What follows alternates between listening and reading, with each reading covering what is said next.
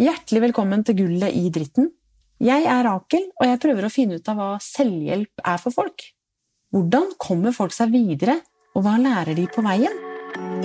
Så livet er jo en eh, berg-og-dal-bane uten Det er jo like. Altså, veldig fint da, å ha noen som eh, har eh, i hvert fall like ille og kanskje litt Det verre Det viktigste tror jeg er å lytte og forstå og se andre For mennesker. noen ganger hjelper det bare å fortelle om hvordan man har det. Dele erfaringer Og så av og til så tror jeg ikke vi skjønner helt hvor stor betydning det, de små tinga gjør.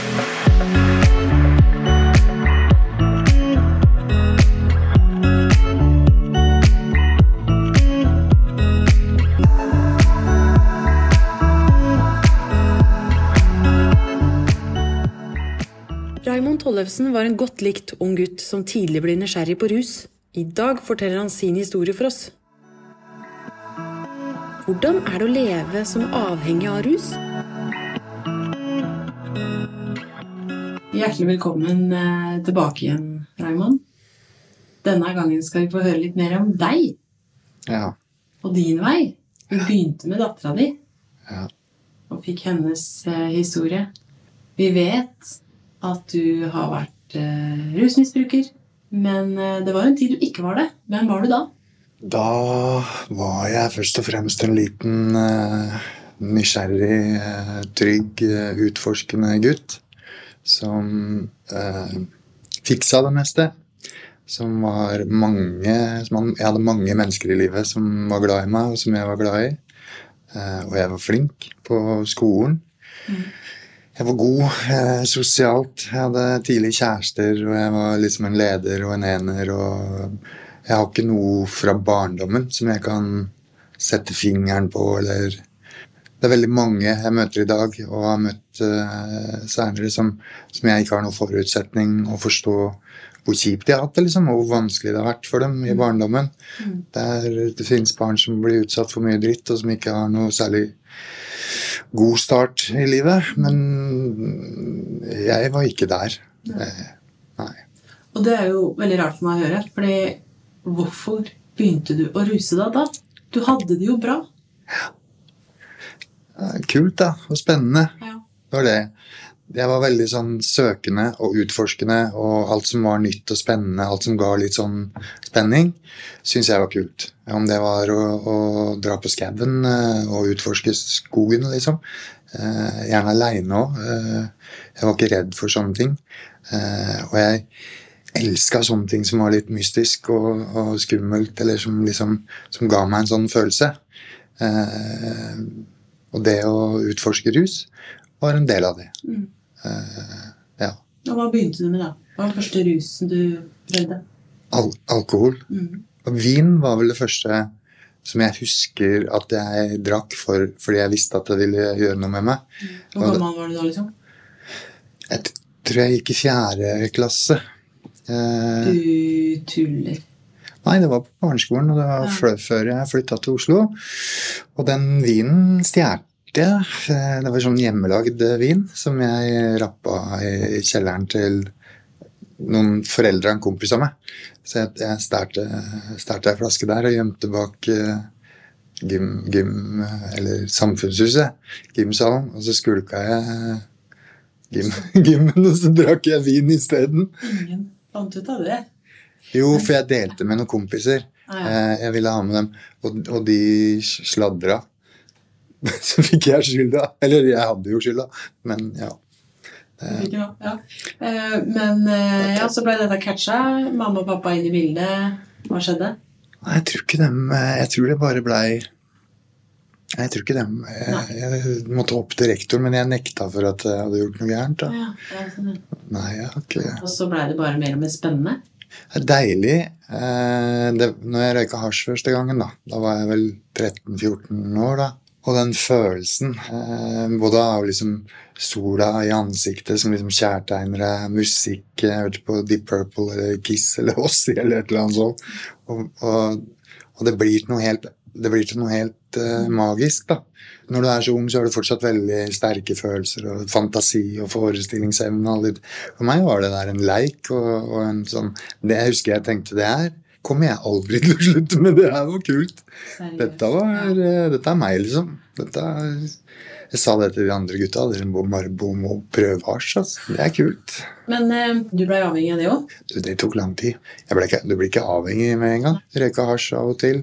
Eh, Det gikk ikke utover noe, liksom. Det var ikke før, eh, før seinere jeg opplevde Jeg begynte å ane meg at jeg hadde et problem, kanskje. At jeg fikk noe erfaring som min, minner om avhengighet, eller noen konsekvenser. da. Først og fremst når Karoline var kommet til verden. eh, Og det plutselig var en annen dimensjon og et annet lite vesen der som jeg hadde ansvaret for og måtte ta ansvaret for. da. Hvor jeg fortsatt hadde den livsstilen, og jeg dreiv mye med kjøp og salg og tjente penger både på stoff, men da, jeg, jeg hadde jo et liv, et normalt liv òg. Og når det begynte å bli vanskelig å eh, balansere de tinga, eh, å leve eller å ha en kriminell livsstil, eh, samtidig som jeg liksom skulle ha et hus og et hjem og en familie og Ting hadde En egentlig begynt å bli alvorlig mens du dreiv med dette her. Altså, Livet ditt hadde jo begynt å ta form. Du hadde ja. hus, hjem, jobb, bil. Mm. Altså, det, det er mange som ville tenkt Nei, da er du ikke narkoman, da. Mm. Men det var du. Ja, jeg var i ferd med å bli, i hvert fall. Eh, Det var først når jeg prøvde heroin at jeg eh, Eller ja, når jeg begynte å bruke litt heroin òg, så skjønte jeg at jeg, det her var ikke smart, liksom. Det her, eh, det her var dumt. Da kjente du på avhengigheten. Ja, det var første gang jeg opplevde at jeg ikke hadde kontroll. At, noe, at jeg ikke bare kunne legge det fra meg når jeg ville, og, og være uten, liksom. Våkne om morgenen og, og måtte ha det her for å fungere. Var det fortvilende? Ja, fortvilende, men samtidig så var jeg helt 100% sikker på at uh, det her gjelder ikke meg. Jeg, jeg overvinner det her, jeg er sterkere enn det her. Jeg blir ikke narkoman. Jeg, ærlig talt, det er Raymond Tollefsen, liksom. Eh, Det skjer ikke. Jeg trodde jeg var uovervinnelig. Mm, Alltid vært det. Det er liksom Du har fortalt meg om en julaften. Ja, det var Da var Karoline Jeg måtte altså levere Karoline til mora mi når hun var tre år. Eh, Og det var, det var vel den første Eller en av de første erfaringene med at eh, nå har jeg et problem, liksom. Jeg hadde øh, øh, glemt Karoline i barnehagen. Det fortalte hun litt om i, i forrige episode. Og det hadde, dette her hadde skjedd en gang tidligere òg. Uh, den gangen Jeg hadde ikke førerkort, men jeg hadde bil. Så jeg kom altfor seint og plukka opp hun, og hun var grinete og grein da, og var lei seg. Så jeg satt hun bare i forsetet på, på bilen uten noe barnesete eller noe sånt. Jeg husker jeg liksom dro på hun og hadde hun ved siden av meg i forsetet på bilen. Og så kjørte jeg innom Kiwi og så kjøpte jeg noe babymat på glass. Eh, for hun var sulten, da. Eller hun skulle få noe mat, men hun var tre år. Hun spiste ikke babymat. Så jeg satt og mata hun mens jeg kjørte uh, videre inn til Drammen. Da var du påvirka. Da hadde du tatt av litt for det. Jeg tror jeg ikke var påvirka. Jeg begynte å bli veldig sjuk og abstinent og desperat. Så jeg hadde ordna et eller annet med noe penger og sånn nede i Horten. Så måtte jeg inn til Drammen for å få tak i heroin, så jeg var veldig stressa og svetta og liksom eh, Du er like dårlig i form eh, når du er abstinent som eh, Du er kanskje dårligere i form, for du har ikke, du har ikke kontroll i det hele tatt kroppen. Du er bare desperat, liksom. Men er du rasjonell da i møte med Karoline, f.eks.? er ikke, jeg kan ikke kalle det rasjonell. Du er bare Du er desperat. Du, du gjør det som må til for å få tak i den dopen. Ikke sant? Og det var hun en del av. Når jeg hadde kommet Når jeg kom inn dit til Drammen, så hadde hun gudskjelov sovna i bilen. Eh, så da gikk jeg inn, slapp jeg å ta med henne inn der. Og så kjøpte jeg heroin, og så sovna jeg av den dosen. Eh, og så kom det noen og, og røska i meg, og så er det liksom Raymond, det sitter en unge ute i bilen her og griner og skriker. Eh, så jeg tror, jeg tror du må gå ut og hente liksom, dattera di. Så fløy jeg ut og, og, og henta hun Og tok med hun inn der, da, hvor det satt en gjeng med narkomane og sprøyter og dritt på gulvet. Og da ville hun ned og hilse på disse menneskene. Da, ikke sant? da var hun uthvilt og opplagt og spennende og kjempekult. Eh, og jeg ville ikke slippe henne ned, liksom. Jeg måtte holde henne fast sånn at hun ikke kom ned på det gulvet. da. Og stå og deale med den, hun på den ene handa, og stå med penger og faenskap med den andre handa, og få med meg heroin og sprøyter, og så, og så dra, da. Så når jeg kom meg inn i bilen da med henne, og fikk liksom eh, roa meg litt ned og snakka litt ordentlig, eller liksom eh, snakka med henne og sånn, så tenkte jeg nå må jeg bare nå må jeg kjøre rett til mutter'n, liksom, og så må jeg eh, levere fra meg Karoline, og så må jeg prøve å forklare mutter'n situasjonen.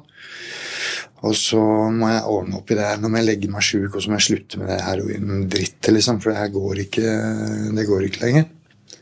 Så ja, sa jeg Mutter'n eh, hadde skjønt tegninga, eh, eller det var mora mi, liksom. Så hun, eh, hun skulle ta vare på Karoline, hun. Og det blei jo ikke da to uker, det blei en måned og tre måneder og Dette gikk ikke, så når det var jul, så ville jo mutter'n at jeg skulle komme og feire jul der sammen med Karoline. da. Karoline spurte mye etter meg, selvfølgelig, og det var jula, og Karoline var da fire år. Hun Vi savna deg veldig mye.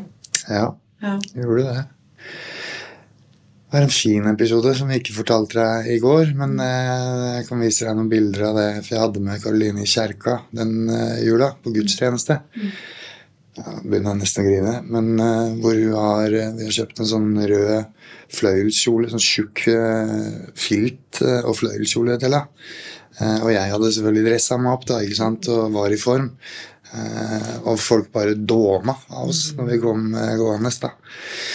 Men før det, på julaften, på, på sjølve, sjølve kvelden, liksom, eller på morgenen på julaften, så hadde jeg og Karoline hadde soverommet til mutter'n, fordi mutter'n tok gjesterommet da, i og med at eh, jeg skulle være der sammen med Karoline. Så når jeg våkna Jeg var jo egentlig i Oslo og holdt på med mine greier og pusha og dreiv på.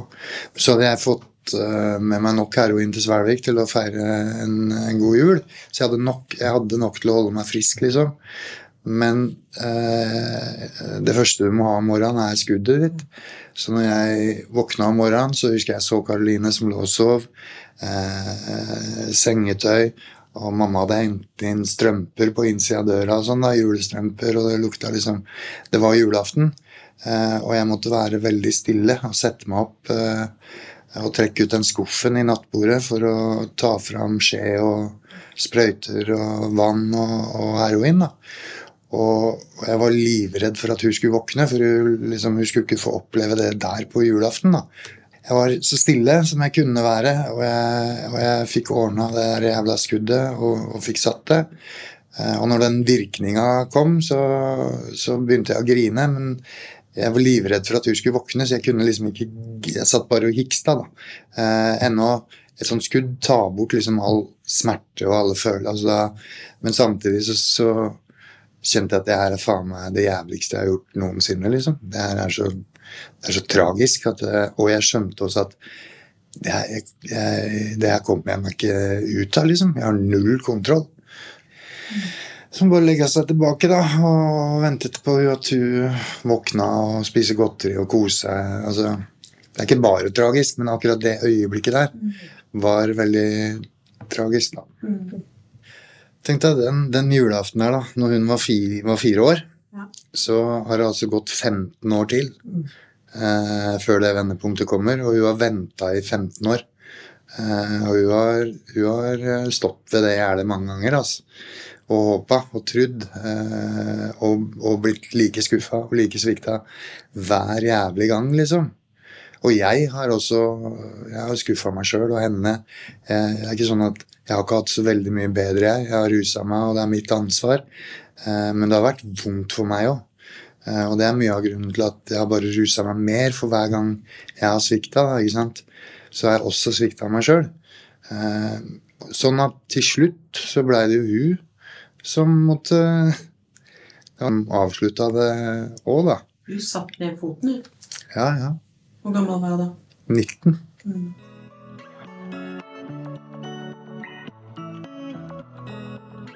Men det skjedde jo et vendepunkt. Da var hun jo litt større, Karoline, da. Mhm. Hva sa hun da? Var jo på besøk hos meg sånn innimellom, men så blei det veldig stille. Jeg merka noe ved de siste besøka hennes, eh, at, at det var noe som ikke stemte. Og så kom det en telefon hvor hun basically sa meg opp som pappa og sa at nå er det bra, liksom. Nå orker jeg ikke mer. Jeg kan ikke ha noe mer med det å gjøre. Jeg, det, jeg blir ødelagt av det, liksom, og jeg er nødt til å ta vare på meg sjøl. Og jeg husker jeg kjente litt på liksom Ja, for det har jo ikke du gjort. Jeg har faen ikke tatt vare på. Jeg har bare lært deg å overleve på den harde måten, liksom. Du må klare deg sjæl. og det var liksom hun som viste meg det da, da. Uh, nå er blitt voksen, liksom. Eh, så du, du tar jo ikke vare på meg, så får jeg gjøre det sjøl, da. Og så sto hun jeg, jeg, jeg visste at hvis hun gjør det her nå, så må jeg slutte. Da må jeg slutte. Eh, og jeg kjempa med nebb og klør. Det er, det er ikke bare sånn. Er, jeg er veldig glad i Karoline òg. men det var en del av meg som da visste at nå er det faen meg over. Nå kan du ikke få ikke ruse deg mer. Kan ikke ruse mer. Hvis hvis hun, og hun gjennomfører det her, så er du faen meg nødt til å slutte helt, liksom. Alt, ikke noe mer eh, Ikke noe mer Og det, det, der er det verste eh, Den verste følelsen en som er rusavhengig ja, eh, Det fikk jo Jan med på film. Ja. I veien ut. Mm. Og så var han der akkurat når du hadde hatt den samtalen. Karoline hadde sendt et bilde av seg selv. Hun var helt knust. 'Pappa, jeg orker ikke mer, og jeg flytter til Stavanger'. Du skulle liksom si det her i kamera. Du knakk totalt sammen. Det var sammenbrudd. Mm. Hva skjedde da? Det var jo den smerten, da. Jeg tror uh, at det kun er smerte som får en rusavhengig til å, til å slutte å ruse. Det er, sånn du, det er ikke en sånn fiks idé du kommer på det. Altså, 'Å ja, nå skal jeg slutte. Jeg gjør det.' Bare glem det. Det er bare smerte som får en som er avhengig, til å slutte. Da blei det smertefullt nok for meg. Da, det var vondt. Det var vondt nok, liksom. Så da var det sånn nå, Ok, jeg gir meg. Jeg kapitulerer. Det, det, er greit. Nå er det bra. Eh, det skjedde. Samtidig så når du, når du har brukt i så mange år, da så snakker litt om å, å regulere følelser sånn. Når du har brukt rusmidler i så mange år til å regulere alt av følelser Du har rusmidler for å få deg opp og for å få deg ned, for å få sove, for å føle deg glad, for å få deg i aktivitet. Og så ligger heroin i bånn og bare nummer alle de ekte følelsene dine. Så mister du helt evnen til å regulere dine egne følelser. Helt til å skape naturlig glede og mestre sånn, Det er borte. Så, så du, når du er kommet dit, så, så, så du er fanga i den avhengighetsgreia. Ja, jeg gir meg, jeg skal slutte og sånn, men jeg veit faen ikke åssen jeg skal leve. Jeg veit ikke åssen jeg skal få til det. Jeg veit ikke hvordan man gjør det. Uh, men der var Jan, da. ikke sant? Men jeg skal lære deg det. Da er du bare nødt til å walk this way, liksom. Da må du bli med meg, og så må du gå ved siden av meg, og så må du gjøre det i mange måneder. Og så må du uh, gjøre som du får beskjed om, rett og slett. Det er sånn Men veien ut er først og fremst basert på tolvtrinnsmodellen og tolvtrinnsfilosofien til NA og AA, f.eks. det er selvhjelpsgrupper NA og AA. Tolv trinn, dette her må du forklare. Ok, NA og AA er kanskje de originale selvhjelpsgruppene. Mm. AA er 100 år gammelt, liksom. Snart, da. 36. AA. Anonyme alkoholikere mm. og anonyme narkomane. Mm. Det de har felles, er de tolv trinna, og det er veldig mange tolvtrinnsfellesskap rundt om i verden. Og veldig mange ser på dem som urselvhjelpsgruppene. Det var de første som begynte å ta i bruk Vi skal hjelpe oss sjøl eh, og ta ansvar for vårt eget problem. Og så skal vi møtes og snakke sammen for å håndtere det og støtte hverandre. Og så vil vi tilfriskne og bli bedre. Men hva er tolv trinn? De tolv trinnene er et sett med eh, prinsipper, om du vil. Det er verktøy eh, så man jobber fra trinn 1 til trinn 12, og så begynner man gjerne på nytt igjen med en ny trinnrunde, som vi kaller det. De henger sammen, disse trinna, da, på en logisk måte som gir en effekt.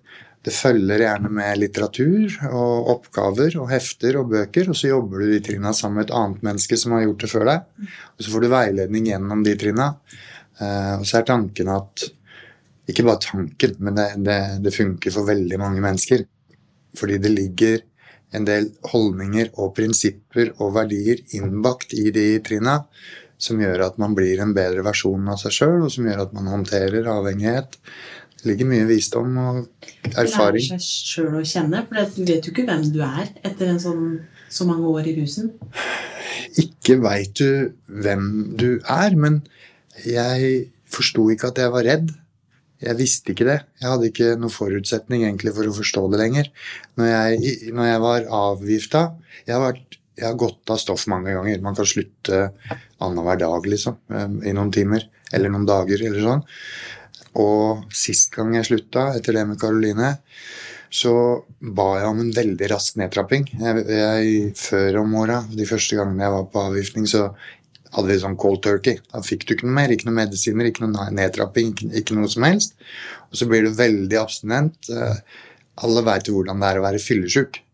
Altså når du har vært skikkelig på fylla, da, dratt den litt langt ut, og så våkner du morgenen etter, og så er det tørr i kjeften, og så tenker Å nei. Nei. Nei, nei, nei, nei, nei, faen sa jeg det og gjorde det. Nei, nei. Du blir så flau og skamfull, da, ikke sant?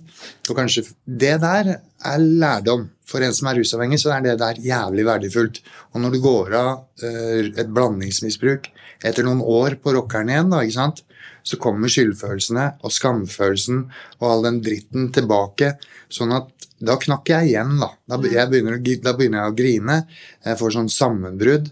Eh, fordi jeg føler så mye skyld eh, og så mye skam og så mye dritt. Får mareritt. Eh, men det er bare et kaos av følelser. Jeg vet ikke hva jeg skal gjøre med dem. Det eneste jeg vil, er å bruke igjen få det vekk. ikke sant?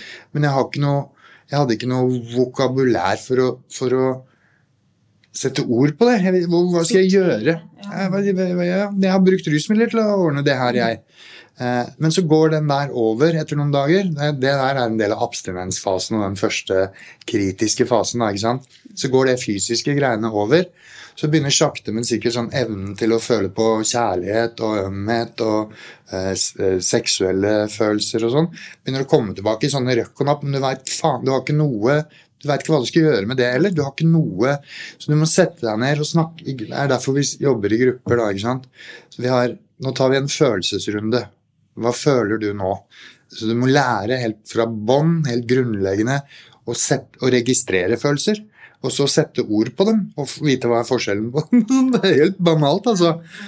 Men det, det var det jeg måtte lære på nytt. Eh, Ikke bare det, men jeg satt egentlig og var livredd.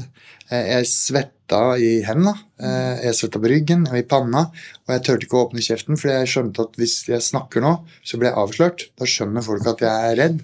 Eh, Bedre å holde kjeft, på måte. mye bedre å holde kjeft, for det er ingen som skal Jeg holder maska og maskerer dette dritbra. Jeg framstår som, som om jeg er verdens tøffeste fyr, liksom.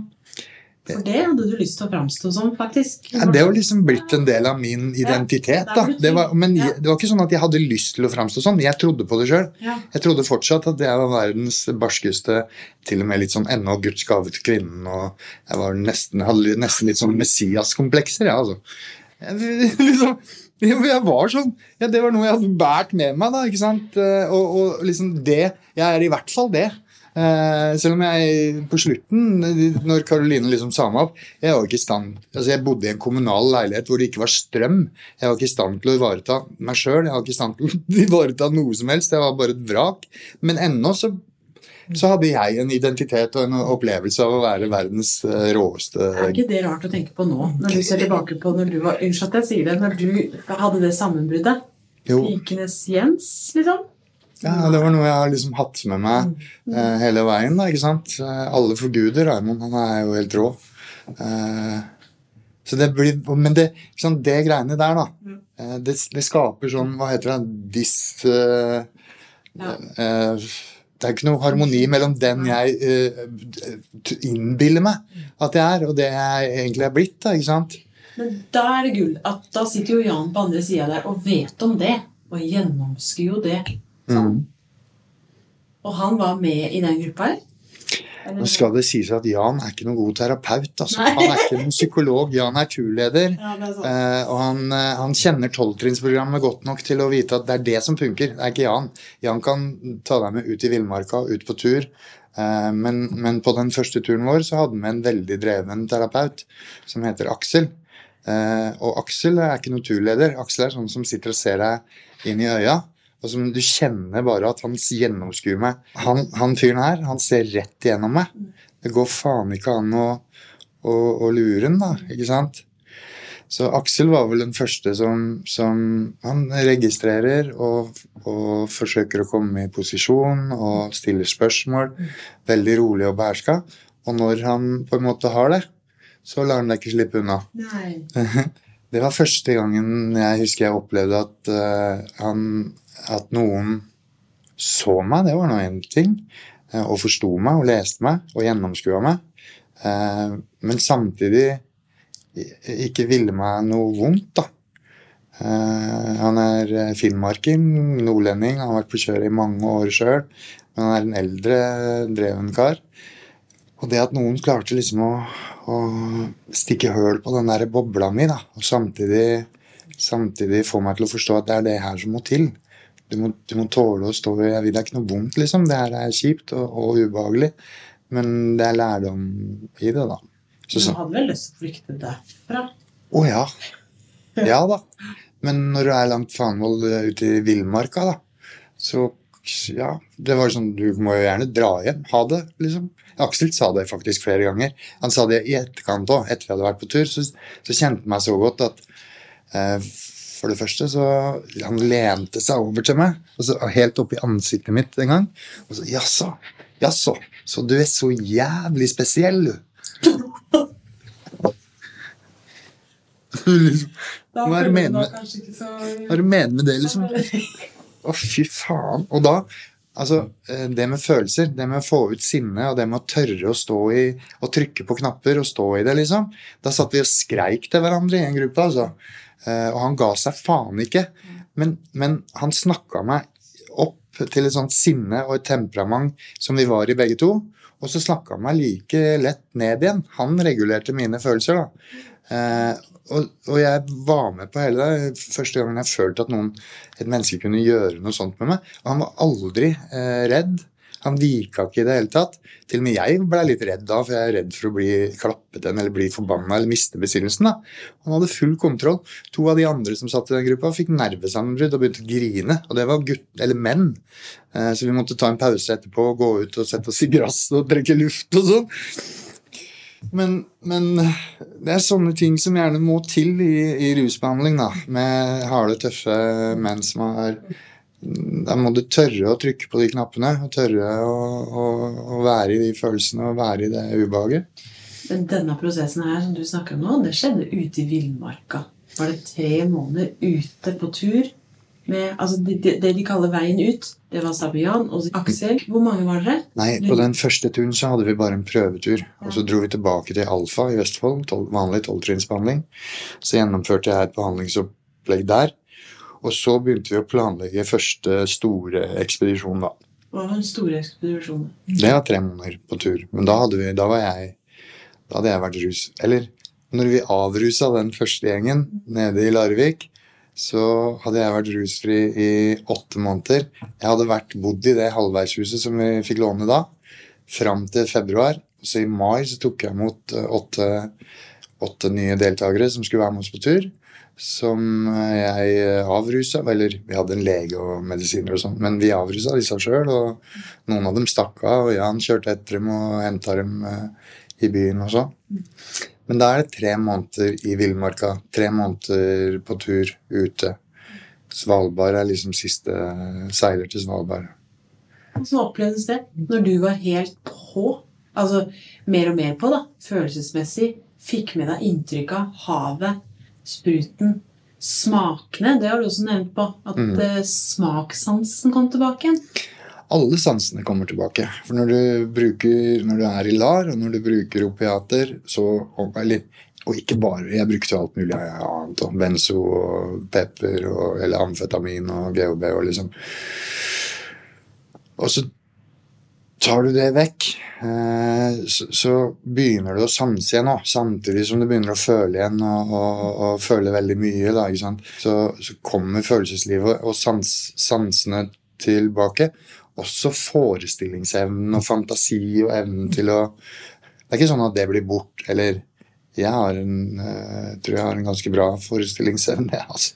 Og, og eh, flink til å observere og sånn, men det blir svekka av særlig av opiater og benzo. Så når det kommer tilbake igjen, så setter du veldig stor pris på Du, du skjønner liksom ikke hva du har tapt før du før, Altså, du skjønner ikke å sette ordentlig pris på det, ikke sant? Før du får det tilbake igjen, eller sånt? Før Det du har det. er verdt å teste ut. Ta deg et år på heroin, og så se hvor fint det er å komme tilbake til livet og verden. Nei, da. Eh, ja. Nei takk, jeg har det bra, jeg. Jeg har glede uten. Men eh, var glede? Var det kick på bølgene blå, holdt jeg på å si? Eller savna du heroin? Nei, ikke da. Det er noe av det med å være ute i naturen. Være ute i elementene, storm, regn, mestre. Så da savner du ikke rusmidlene.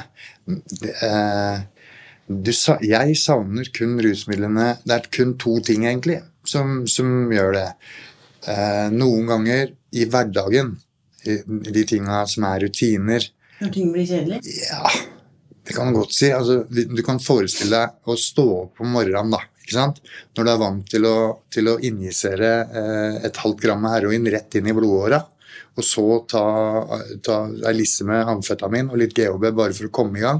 Det å sitte med kaffekoppen eh, aleine om morgenen og nyte den, koffeinen, liksom, det, det, det, er, det er jævlig tragisk noen ganger. Det er sånn Altså, jeg er vant til å dytte innpå flybensin. Eh, og her sitter jeg med den jævla kaffekoppen da, og skal liksom trøste meg. Når du ikke veit hvor, hvor heftig det kicket er, hvordan du kommer i gang med liksom dagen, hvordan du kickstarter hele systemet og alt det der. ikke sant? Nå du får klare deg med den tobakken og, og den kaffen. Men hvordan klarer du det? Det som holder meg rusfri, er de tolv trinna. Eh, Det er tolvtrinnsprogrammet. Eh, Jeg satte meg ned Jeg fikk en anbefaling om Jeg har alltid hatt lyst til å ta en master eller eh, gå på universitetet og sånn. Det har jeg aldri fått gjort. Det var vel Aksel og Bjørn som sa ok, da får du se på det her, da. Se på det her nå. Den prosessen du er i nå. Som om du skulle tatt en bachelor, da. ikke sant? Men nå skal du ta en bachelor i å bli rusfri og leve et godt liv. Og få til livet ditt. Da må du sette deg ned hver dag, da. Og så må du jobbe med det. Du må lese og studere den litteraturen her. Du må jobbe med de oppgavene vi gir deg, og de trinna. Eh, og så må du så, må du, så får du en bachelor i livet, liksom. I deg sjæl.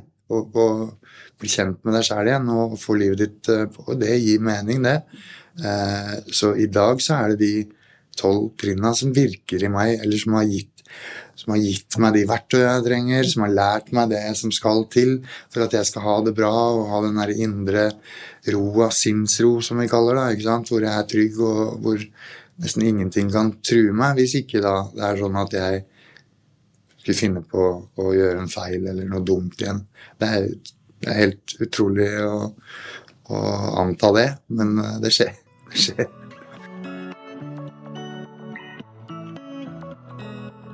Nå har du jo veldig mange jern i ilden, så du har jo mer enn nok å både tenke på og drive med. Jeg ble valgt inn i styret da, til Selvhjelp Norge.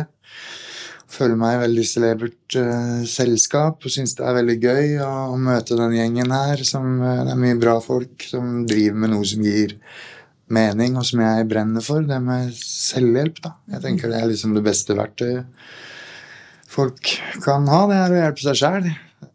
Det må være heftig å være i den situasjonen at du er blitt rusfri, men jobber med mennesker rus Ja. som prøver å slutte. Og noen prøver ikke å slutte engang. De Nei. har ikke tenkt å slutte. Nei.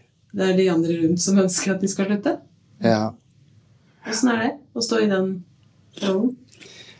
Nå, jeg jobber jo da også i Vestre Viken, på Ara Drammen, på en avgiftningsseksjon. Eh, og ta, ta imot eh, pasienter der som står i den situasjonen. Eh, som Når du kommer inn på avgiftninga der, så har du på en måte to valg. Du kan velge å slutte og prøve på det, og få hjelp til det.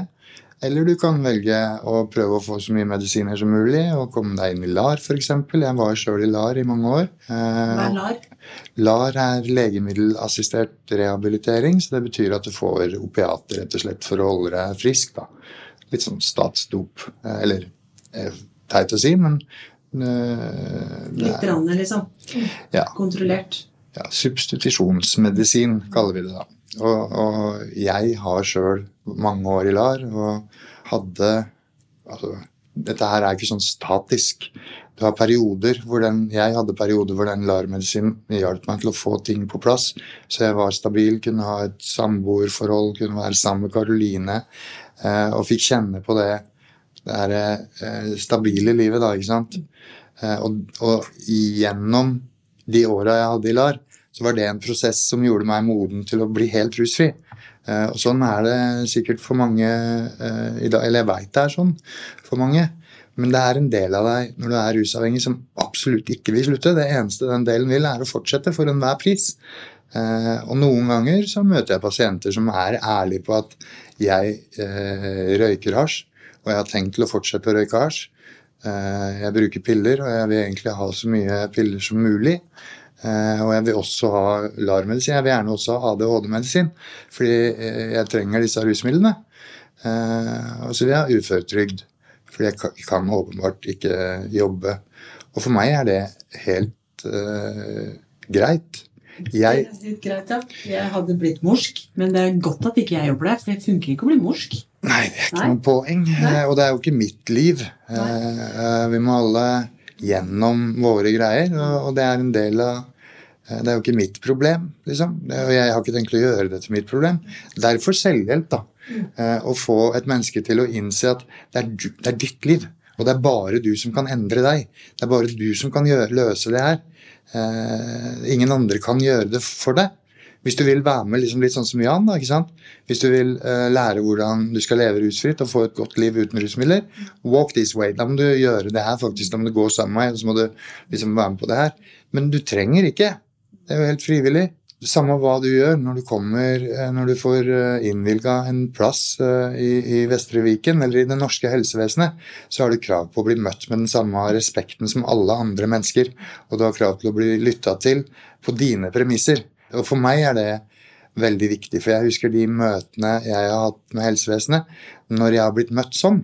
Av mennesker som ikke dømmer meg, og som ikke Som bare Det, det er helt greit. Du kan være akkurat og mene og tenke liksom, eh, Det er jo bedre at man er ærlig, i hvert fall. Da Da har man liksom et godt uh, utgangspunkt for, for noe.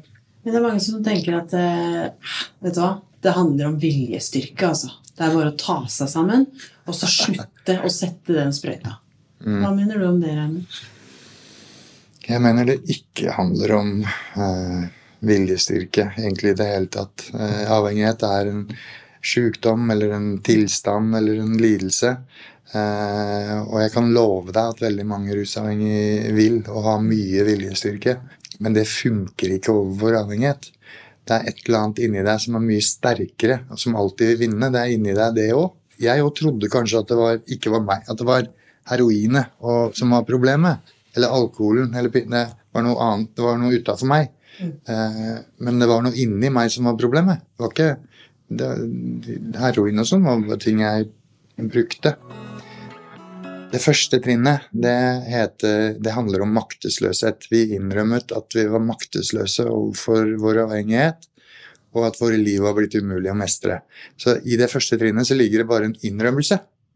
Eh, Jeg er eh, maktesløs overfor det her. Det første trinnet er egentlig bare Det er det eneste trinnet man begår. Det er det eneste du eh, faktisk må eh, erfare og oppleve og erkjenne inni, det, inni deg sjøl. Jeg, jeg kapitulerer, jeg overgir meg liksom til det programmet her. Jeg kan ikke det, jeg kan ikke stole på meg sjøl og mine egne tanker og impulser og følelser engang. Jeg, jeg er fucked. Men det programmet her kan fikse meg. Så det er det du gjør i trinn 1, ved å innrømme at du er maktesløs. Og så begynner du å jobbe på trinn 2, som handler om å komme til å tro. Eh, Det handler om å gjøre deg moden til å tro på noe. Og i tredje trinn så tar du liksom et bevisst valg om å tro på det programmet, om du vil. I, i tolvtrinnsprogrammet så bruker vi høyere makt eller en kraft større enn deg sjøl eller Gud eller noe sånt. da. Men eh, det handler om at jeg, jeg, jeg kan jo ikke stole på meg. Jeg er nødt til å stole på noe annet eh, som vil meg vel. da. Hvis jeg begynner å høre på mine egne greier igjen, så er vi, så vi fucked. Så det, i det tredje trinnet så handler det om å få forstanden tilbake. Og tro at det programmet her kan gi meg den forstanden jeg trenger til å få til det her, rett og slett. Hva om de får tilbakefall? De får ikke det, for det første. Det er noe de har lært, alle sammen. eh, At et tilbakefall er ikke noe du får. Eh, Det er noe du velger å ta. Eh, Det bruker veldig mange. Jeg fikk en sprekk. Er det du snakker om, liksom? Hvem er det som ga deg den, da? Eller hvor fikk du den fra? Det er bare blitt en sånn innarbeida greie som vi bruker for å skyve ansvaret fra oss. Eh, Så vi lærer i tolvtrinnsbehandling, så lærer du med en gang eh, å plassere skapet der det hører hjemme. Og du lærer å si høyt jeg valgte å ta meg et tilbakefall. Det, det, mitt, det var mitt valg. Og det var, da blir du bevisst på det, og så får du eierskap i det, og så har du plassert ansvaret der det hører hjemme. Men når det skjer, eh, at mine folk jeg er blitt veldig close med og, og glad i og liksom føler en, en tilhørighet med, tar seg et tilbakefall, da, så blir jeg skuffa, men jeg er i dag i stand til å håndtere uh, ubehagelige følelser. Jeg kan kjenne på sorg og skuffelse og bli lei meg. Uh, jeg kan også si ad. Liksom. Det gjorde vondt. Eh, nå såra du meg. Og det var noe jeg måtte lære. Det var en åpenbaring for meg at det gikk an å si au liksom, til noen. Istedenfor å bli forbanna eller snu ryggen til eller bli eh, Så bare, bare det har, har har redda meg, tror jeg. Det har hjulpet meg i så mange situasjoner. Eh, For min egen del òg. Det at jeg klarer å innrømme at jeg, at noen, at jeg er sårbar. Og si det til et annet menneske, det løser så jævlig mange problemer. Det med medavhengighet det er veldig viktig å ikke gå inn i, i noens tilbakefall og bli med og bli dratt ned sjøl, f.eks. Det der å 'Jeg er her, kom Ja. til meg hvis det er noe'. Du må ringe, du må komme hit. Jeg krysser ikke den grensa, altså. Det er du som må komme tilbake, liksom. Jeg er her. Og du vet veldig godt eh, at jeg er her når du kommer tilbake, eller når du ønsker det. Greia var at jeg blei enig Jeg ba eh, Karoline og mamma, og Margrethe for så vidt, eh, huske på og, og love meg at hvis jeg noen gang tar meg et tilbakefall, hvis jeg begynner å bruke en, så må dere snu meg ryggen liksom, og gå vekk. Gå deres vei. Ikke bli der. Eh, og ikke liksom hei på meg, eller ikke støtt meg. Bare, bare gå, gå vekk. Og, og, og, eller som dere har gjort nå, da. Fordi det er den eneste det er det eneste som gjør vondt nok eh, for meg til at jeg reiser meg igjen og kommer etter dere, liksom. Det er det, er det som må til. Ja, for deg, men kanskje for mange andre òg. For mange andre òg, men ikke for alle. Jeg har Nei. sett mennesker hvor det der eh, ikke har noe effekt. Jeg veit også om tilfeller hvor det kanskje har gjort situasjonen verre. eh, Og mennesker dør av det her. Du kan både Det kan føre til selvmord. Det kan også føre til mer rusing og overdose. Så det er ikke noe sånn universal eh, Nei, men shit, det er en gambling. det er en gambling. Det er helt klart. Og det å skulle lære å leve et, et, et rusfritt liv og ikke begynne å bruke igjen etter å ha holdt på i så mange år Det er der jeg alltid har feila. Jeg skulle gjerne vært rusfri, men jeg skjønner jo ikke skjønner jo ikke hvordan jeg skal få til det. Eller skjønner ikke hvordan jeg skal leve et normalt liv. Forskjell på å være en misbruker holdt jeg på å si, og en som er avhengig. Avhengighet er jo en lidelse eller en sykdom eller hva du vil. Det kan diskuteres, selvfølgelig. Men, og du har rett i at uh, avhengighet kan beskrives som en sånn abnorm egotilstand. Fordi det eneste avhengigheten gjør, det er å kreve til det er, Du kan se på et sånt ego som har blitt sykt. da. Det er noe i ego som bare krever tilfredsstillelse her og nå. Driter i morgendagen. Liksom. Du skal ha det nå. Eh, og det skal tilfredsstilles nå, på bekostning av hva som helst. Det er et sånt krav på innsida. Eh, og det nytter ikke med viljestyrke eller Du har ikke nubbsjans, for det er deg sjøl. Det er ditt eget ego. Eh, en sånn abnorm egotilstand som krever Og med en gang den tilfredsstillelsen er oppnådd, nytt, neste, neste det, Du får noen sånne pauser innimellom, og så er bare kravet enda større og enda større. og enda større. Det er der når du våkner om morgenen. Eh, Det er der, eh, altså, det er der hele tida. Det jobber og jobber og jobber. Det er en sånn mental og følelsesmessig besettelse. Og det du får ut av det, er å regulere alle disse følelsene hele tida. da, ikke sant? Rusmidlene. Med de forskjellige rusmidlene. For du har rusmidler for å komme opp og ned, og energi og lande og sove og bli glad. Og, altså, for alle tilstander, da. ikke sant? Mister det begrepet. Jeg tenker, det er, det, er, det er ganske mye læring når du skal ut eh, av, en avhengighet. Eller lære å få den avhengigheten under kontroll. Og aksept er det ene begrepet. Som, fordi hvis du fortsetter å kjempe, så bare vokser det der kravet igjen. Det er jo en indre kamp, ikke sant? Jeg er helt maktesløs. Jeg fikser ikke det her. Ok, Da må jeg nødt til å ha en, en annen vei. Da Da må jeg ha noe annet å, å rettlede meg etter. Der kommer tolvtrinnsprogrammet inn. da. Hvis du følger det, Det er de skritta jeg tok. Det er tolv skritt. Eh, og det, hvert skritt tar en måneds tid eller to. Eller, men For da må du jobbe deg gjennom hvert trinn, da, de tolv trinna. Og så må du ha tillit til at det programmet her fører meg det, det kan fikse det. Ikke jeg. Jeg fikser ikke det her. Det har jeg bevist gang på gang. Men hvis jeg bruker det programmet her, jobber det, og faktisk uh, gjør det her i praksis, da, i handling Ikke bare om jeg er flink til å late som og, og prate og liksom Men det her er jeg nødt til å gjøre for meg, uten at uh, Drit i hva alle andre liksom Men når jeg gjorde det, så kjente jeg at det, nå får jeg jo faktisk til ting, og jeg får det bedre. Eh, og den der greia inni meg, når bare jeg klarer å liksom ha tillit til det greiene her, og følge dette programmet, så funker det jo på et eller annet magisk vis. da. Det er fordi det programmet er faktisk Det er ikke en psykolog som har funnet opp det, liksom. Det er ikke, dette her er et program som er utvikla av andre rusavhengige, og som har vist seg å funke for veldig mange gjennom flere tiår. Eh, Tror du noen som er rusavhengige, som hører på oss i dag, tror du de kan fort tenke at ja, men tenk om jeg detter ut? Mm. Tenk om jeg detter ut? Ja, Ja, hva, hva? tilbakefall. Ja. Ja, det er først og fremst noe du Du detter ikke bare eh, ut. Det er noe du velger. Det er ingen som tvinger deg til å ta en dram, liksom. Det er ikke noe som skjer av deg sjøl. Det er en av de tingene. Det er så mange små ting i det programmet. Så mange små konsepter og små prinsipper og detaljer. Så det, noe av det første du lærer, er at nei, du fikk ikke en sprekk. Det er sånn vi rusavhengige holder på å rasjonalisere og rettferdiggjør. Ja, liksom. Ja, ja, ja. Det er samfunnet som har skylda. Stol på det oppsettet, og stol på selvhjelpsgruppa som du blir en del i. Eh, Ja. Ja. Stol på For meg så var det å stole på programmet, stole på fellesskapet. Så etter hvert så kan jeg også begynne å stå på i andre sammenhenger enn liksom avhengighet. Så jeg kan jo stole på meg sjøl. Det er forskjell på å være hjelpeløs og maktesløs overfor en avhengighet. Jeg har masse ting som jeg har tillit til ved meg sjøl, jeg. Men når det gjelder akkurat rus og avhengighet, så er det sånn Jeg kan ikke ta én, men det er et valg jeg eier. Hvis jeg skal ruse meg igjen, så gjør jeg det. Eh, Så velger jeg det helt bevisst. Eh, Og jeg har vært nære på noen ganger, men da går jeg. Da er jeg nødt til å gå i en selvhjelpsgruppe. Fordi da er det et eller annet som er gærent inni meg. Et tilbakefall begynner ikke med at jeg begynner å drikke. Det begynner et eller annet sted inni følelsene mine. det. Et, og der er det gjerne et eller annet jeg har gjort gærent. Det har i hvert fall vært det hver gang. Fram til nå. Noe du, noe du vil fra. Gjerne. Litt sånn dårlig samvittighet, skyldfølelse, skam, dritt. Men det får jeg tak i når jeg går i en selvhjelpsgruppe og begynner å snakke om det. For da kjenner jeg hvor skolen trykker. Og så får, så får jeg snakka meg fram til problemet, og da ligger løsningen der òg. Da kan jeg fikse det, da. Heftig å høre hvordan det er å være avhengig av rusen, hele tida på jakt etter mer. Raymond forteller at avhengighet er noe man må leve med resten av livet.